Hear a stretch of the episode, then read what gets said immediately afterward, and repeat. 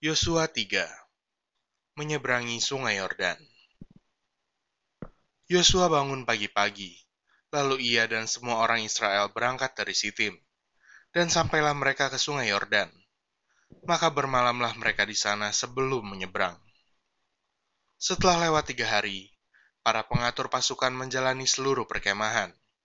Dan memberi perintah kepada bangsa itu, katanya, Segera sudah kamu melihat tabut perjanjian Tuhan Allahmu yang diangkat para imam, yang memang suku Lewi.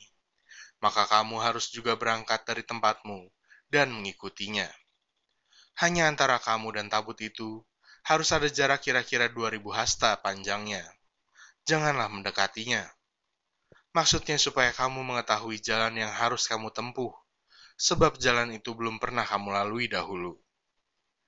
Berkatalah Yosua kepada bangsa itu, Kuduskanlah dirimu, sebab besok Tuhan akan melakukan perbuatan yang ajaib di antara kamu.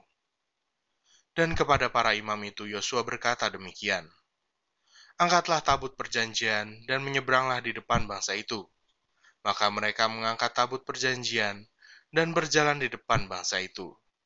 Dan Tuhan berfirman kepada Yosua, pada hari inilah aku mulai membesarkan namamu di mata seluruh orang Israel, supaya mereka tahu bahwa seperti dahulu aku menyertai Musa, demikianlah aku akan menyertai engkau.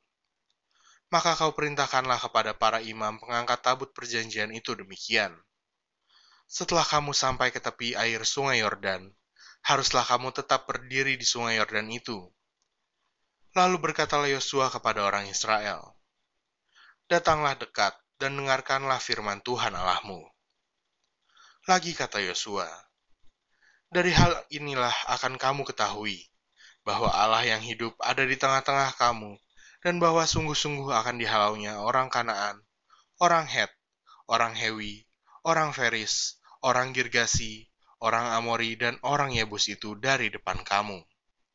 Sesungguhnya, tabut perjanjian Tuhan semesta bumi berjalan menyeberang di depan kamu, masuk ke sungai Yordan. Maka sekarang, pilihlah dua belas orang dari suku-suku Israel, seorang dari tiap-tiap suku. Segera sesudah kaki para imam pengangkat tabut Tuhan, Tuhan semesta bumi, berhenti di dalam air sungai Yordan, maka air sungai Yordan itu akan terputus. Air yang turun dari hulu akan berhenti mengalir menjadi bendungan. Ketika bangsa itu berangkat dari tempat perkemahan mereka untuk menyeberangi sungai Yordan, para imam pengangkat tabut perjanjian itu berjalan di depan bangsa itu. Segera sesudah para pengangkat tabut itu sampai ke sungai Yordan, dan para imam pengangkat tabut itu mencelupkan kakinya ke dalam air di tepi sungai itu, sungai Yordan itu sebak sampai meluap sepanjang tepinya selama musim menuai. Maka berhentilah air itu mengalir, air yang turun dari hulu melonjak menjadi bendungan. Jauh sekali di dekat Adam, kota yang terletak di sebelah Sartan. Sedang air yang turun ke Laut Araba itu, yakni Laut Asin, terputus sama sekali. Lalu menyeberanglah bangsa itu di tentangan Yeriko.